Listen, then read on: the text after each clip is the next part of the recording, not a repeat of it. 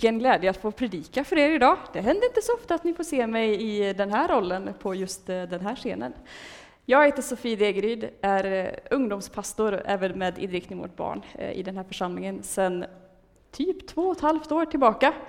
Tiden går ju fort när man har roligt, brukar man säga. Och så tror jag verkligen att det är. Tiden går fort, men det är väldigt härligt. Hörrni, idag ska jag tala om eh, församlingen. Eh, jag har vetat om eh, i ganska många veckor att jag skulle predika just idag och har liksom gått och funderat på att, ja, men vad är det som jag verkligen brinner för och som jag vill lyfta och liksom dela med er här idag. Och då landade jag i att ja, men församlingen, det vill jag prata om helt enkelt. Hoppas ni är med mig på det. Det kommer bli ja, men dels lite så här hyllningstal till församlingen, för jag tror att det är är liksom världens bästa gemenskap som man kan ha. Men också lite utmaningar i att, ja, men hur, hur är vi en församling idag? Hur är vi en församling som, eh, som möter människor och som når vår stad och når människor som aldrig har hört talas om Jesus förut? Jag har eh, så länge jag kan minnas och även innan det alltid varit en del av en församling. Och det har präglat mig eh, på ett väldigt positivt sätt. Ibland så eh, har det varit fantastiskt och man känner att man trivs och man får utvecklas och man får blomma och allt detta och allt är liksom bara toppen helt enkelt när man tänker på församling. I vissa stunder i livet så känner man att det kanske är lite kämpigare, man kanske tycker att ja, men det kan bli kravfyllt eller att man måste prestera i kyrkan eller något sånt där. De stunderna kommer också. Men det som jag som jag alltid landar i är vilken fantastisk förmån det är att få vara del av en församling. Att vara en del av någonting som är så mycket större än mig själv. Eh, att få vara del av någonting som, som tillsammans vill älska Gud och vill älska andra människor. Det är fantastiskt tycker jag. Hörni, vi kan väl bara be en bön tillsammans eh, för det som jag har att säga, att det ska få landa i, i ditt och mitt hjärta idag. Herre, tack för det ord som du har lagt på mitt hjärta idag. Eh, Herre, jag ber att jag ska få förmedla det på bästa sätt. Att det ska få bli till det som, som du vill, Herre, inte det som främst jag vill. Herre, tack för, för den här församlingen. Herre, tack för församlingar runt om i vår stad och i vår värld, Herre. Herre, tack att tillsammans får vi bara rikta vår blick emot dig, Herre. Och tack att vi tillsammans är ännu starkare, Herre, för att vi har dig på vår sida, Herre. Amen. Amen. Har du någon gång tänkt tanken, om du skulle få liksom måla upp bilden av en drömförsamling? Är det någon mer än jag som har tänkt den tanken? Sam, bra, tack! Underbart! Ja, men jag tänker ibland på att så här, ja, men om, om jag liksom fick bestämma vad jag tycker är viktigt och, eh, och sådär, eh, hur skulle då församlingen se ut? Och jag vill bara ge dig liksom några punkter som jag tycker eh, är viktigt och som jag värdesätter i en församling.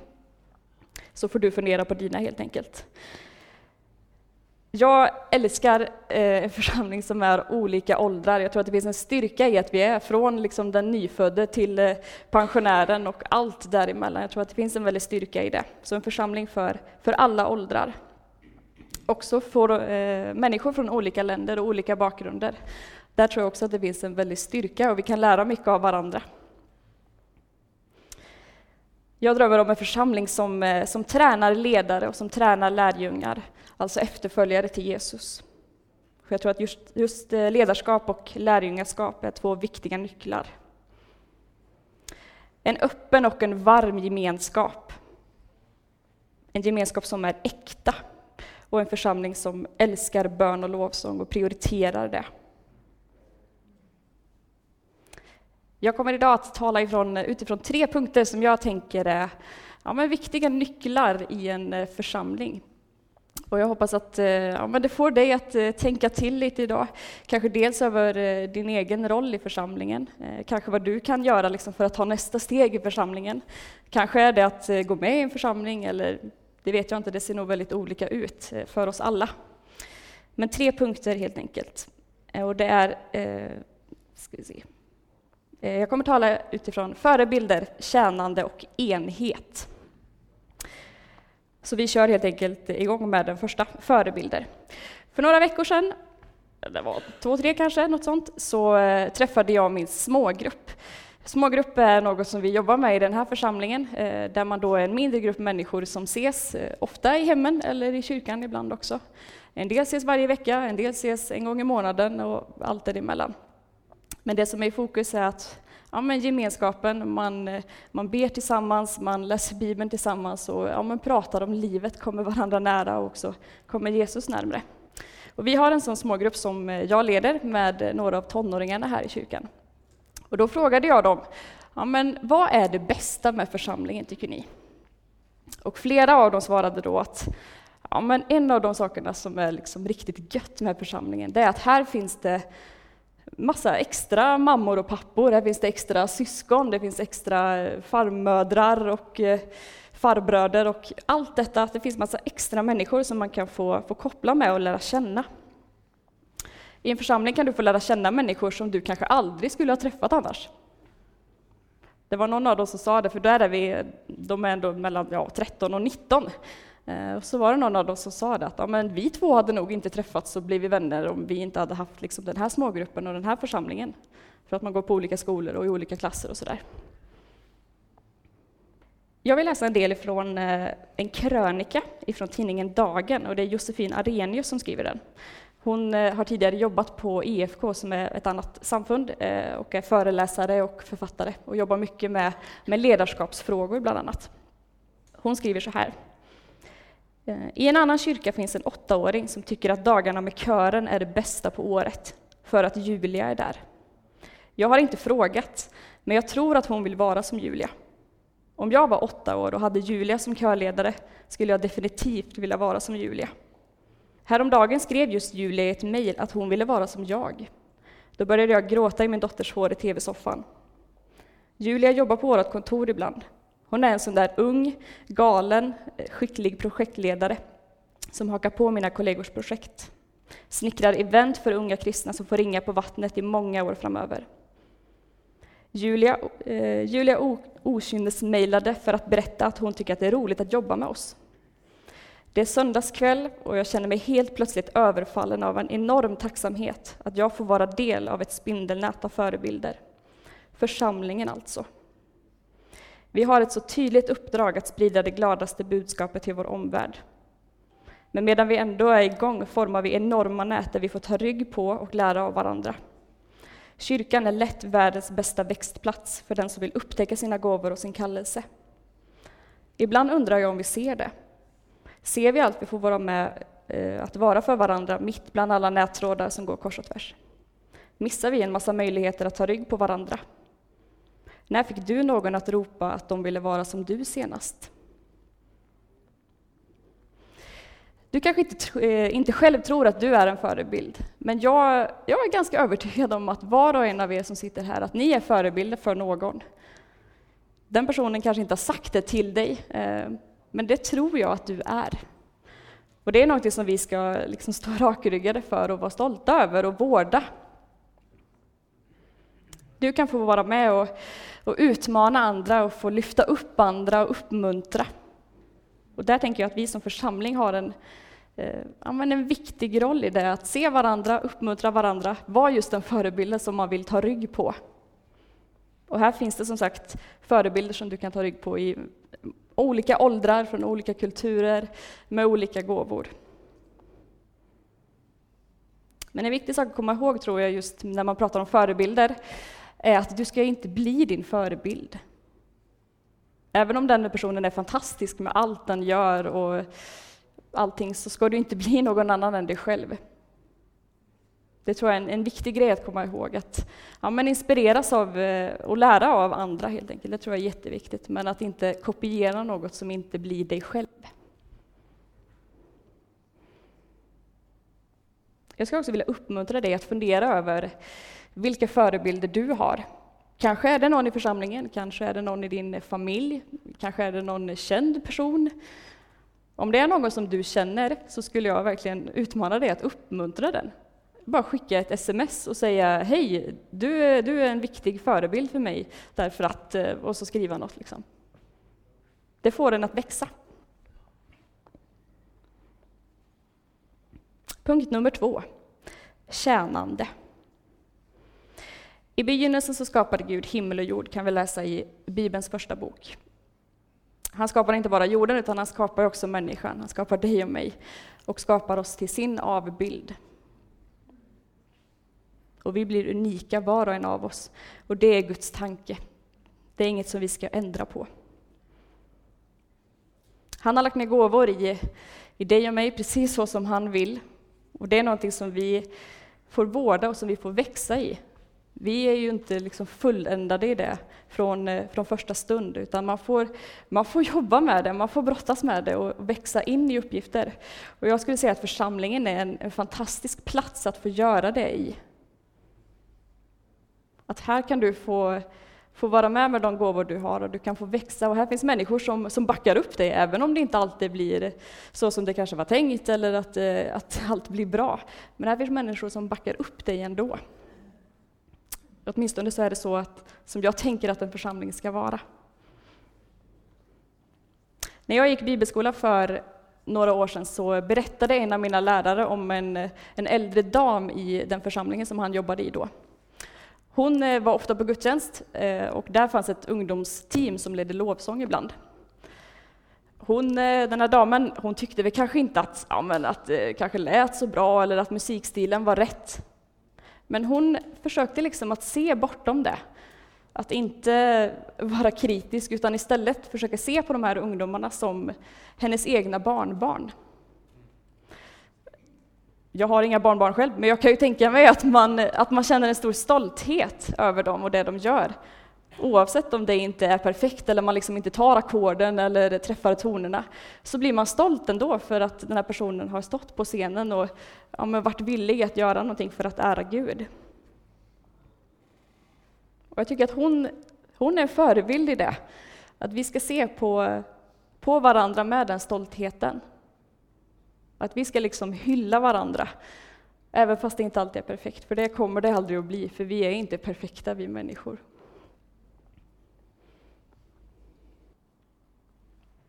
Ibland tänker jag tanken, ja, men tar jag liksom mina gåvor på allvar? Är de i funktion i församlingen så som Gud har, har tänkt det? Eh, vet jag vad mina gåvor är? Det är kanske första, första steget att hitta det. Vad skulle hända om, om vi alla på något sätt hittade de där gåvorna och fick blomma ut i dem och använda det fullt ut? Vad skulle hända i din tro? Vad skulle hända i vår församling? Vad skulle hända i vår stad, utöver vår värld?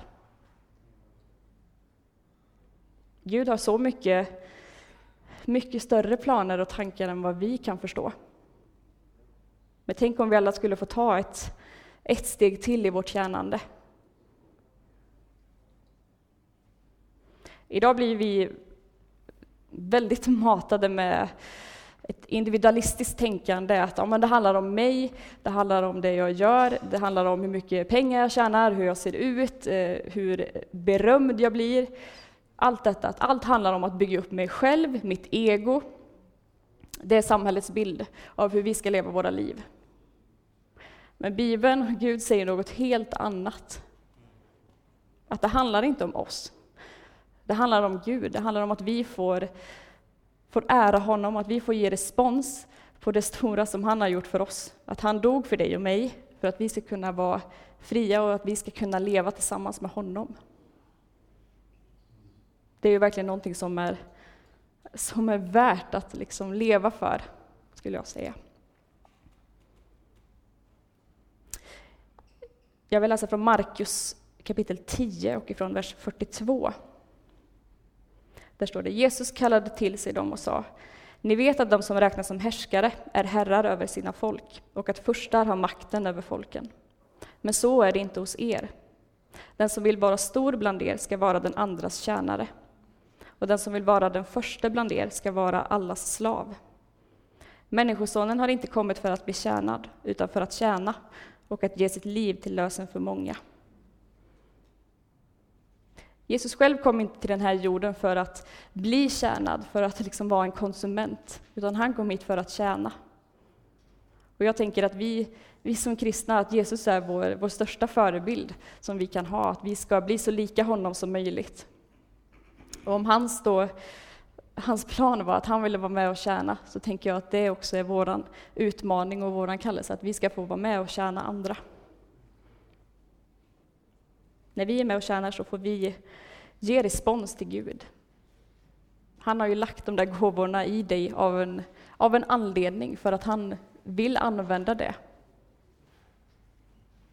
Så genom att vi är med och, och tjänar med det som vi kan och det vi har, så ger vi helt enkelt vår respons till Gud och visar tacksamhet till honom. Punkt nummer tre då, enhet. Allting börjar ju någonstans med din egen tro på Gud. Utan att du eh, hade din tro så skulle församlingen inte vara det som den är. Då skulle vi bara vara någon slags förening som hade lite trevligt och drack mycket kaffe. Eh, vilket i och för sig är härligt också. Men att vi, vi har ju någonting, någonting speciellt utöver den där föreningsgrejen. Och det är ju att vi har Gud, vi har tron på Gud.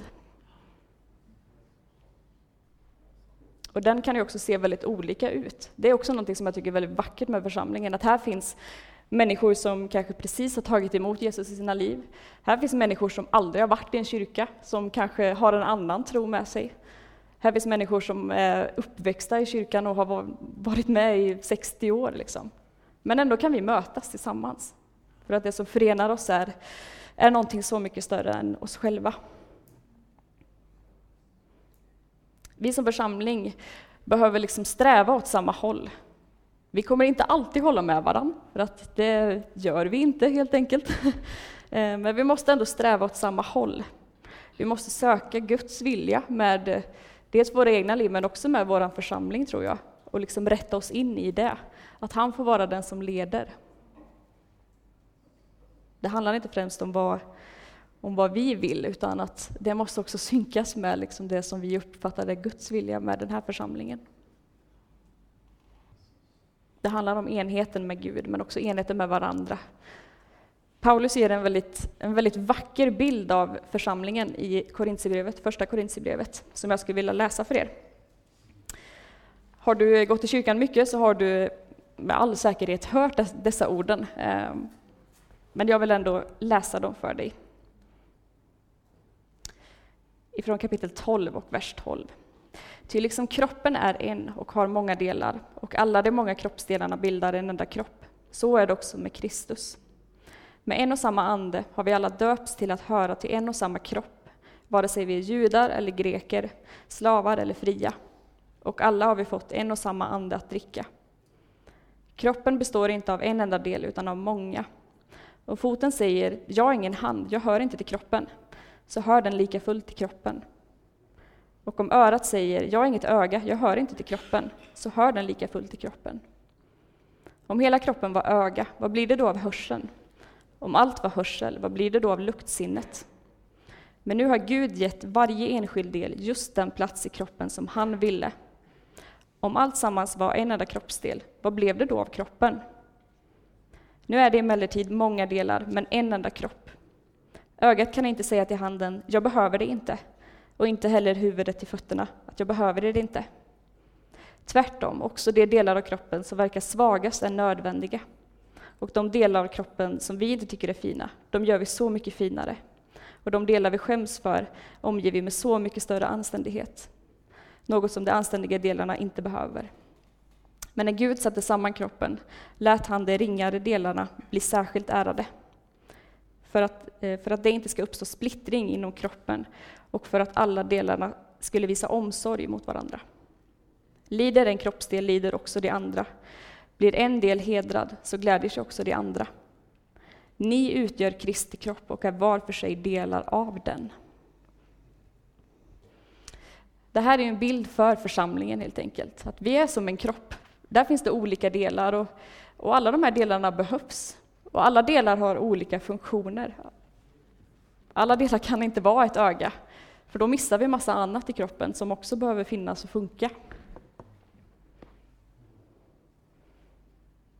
Jag tycker också att det är så fint att det står att ja, vi ska glädjas med varandra och vi ska hedra varandra. Och om det är någon del som är, som är splittrad så, så liksom är det i hela kroppen på något sätt, att vi bär varandra i detta. För att vi är en och samma kropp vill också läsa ifrån Efesierbrevet kapitel 4. Och ifrån vers nummer 15 och även 16. Låt oss i kärlek hålla fast vid sanningen och växa i alla avseenden så att vi förenas med honom som är huvudet, Kristus. Han låter hela kroppen fogas samman och hållas ihop genom, alla led, genom att alla lederna hjälper och stöder med just den kraft han ger åt varje särskild del. Då växer hela kroppen till och byggs upp i kärlek. Vi behöver liksom vara med och göra det som vi kan för att, för att kroppen ska växa helt enkelt. Och huvudet på kroppen, som vi aldrig får glömma bort, det är Jesus själv. Jag läser också ifrån eh, några verser innan där i Efesierbrevet i kapitel 4 och från vers 1. Jag uppmanar er alltså, jag som är fånge för Herrens skull, att leva värdigt er kallelse, alltid ödmjuka och milda. Ha fördrag med varandra i tålamod och kärlek. Sträva efter att med friden som band bevara den andliga enheten. En enda kropp och en enda ande, liksom ni en gång kallades till ett och samma hopp.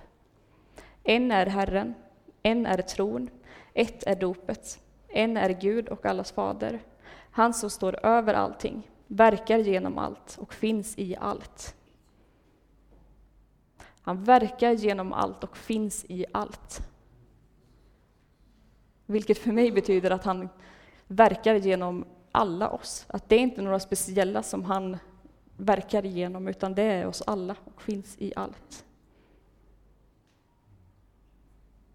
Tänk att den här enheten, den betyder inte att vi ska vara likadana.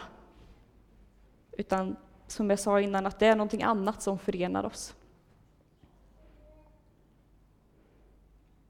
Om man läser i Fesebrevet så, eh, så ser man just det att ja, men där var också en massa liksom olika människor.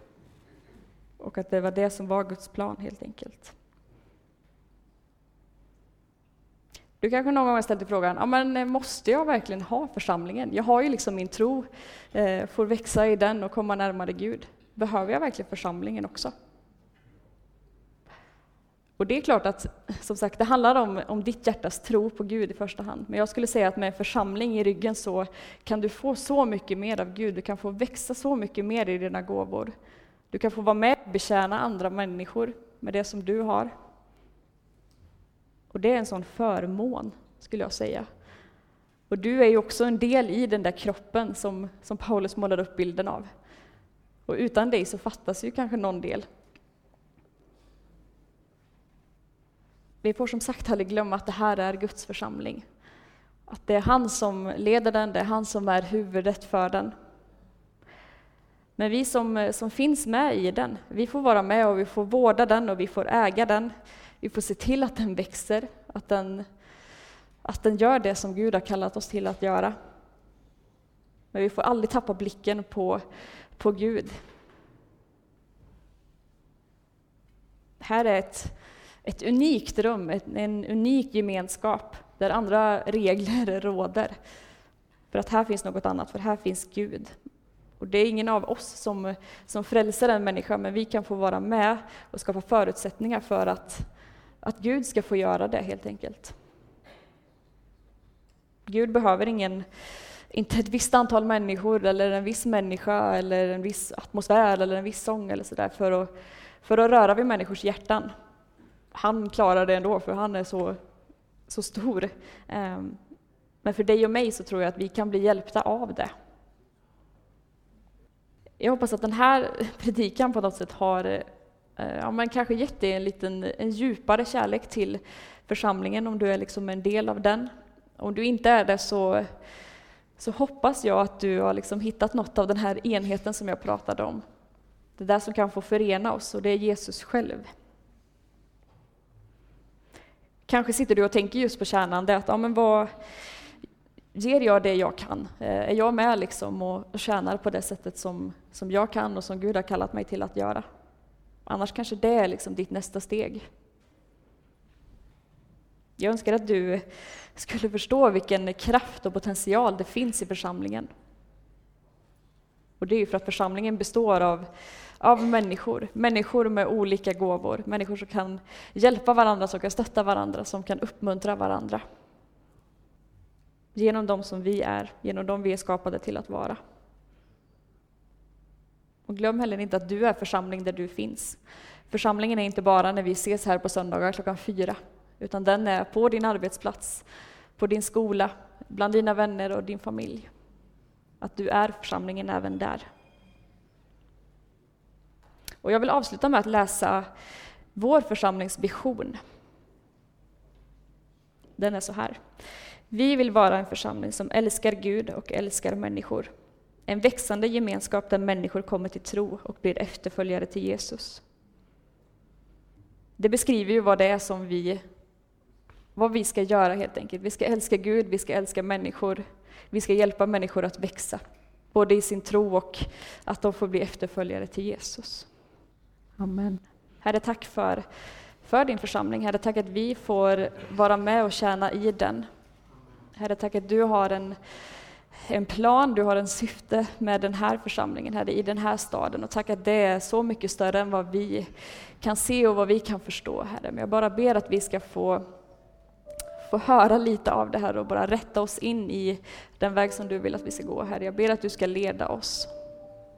Och Herre, tack att, att mäktiga saker kan få ske då, Herre. Om vi bara tar steg i tro, Herre. Om vi tar steg i tjänande, Herre. Om vi bygger upp den här enheten. Tack Herre att du är här. Herre, vi bara välkomnar din heliga Ande att, att tala till människor idag. Amen.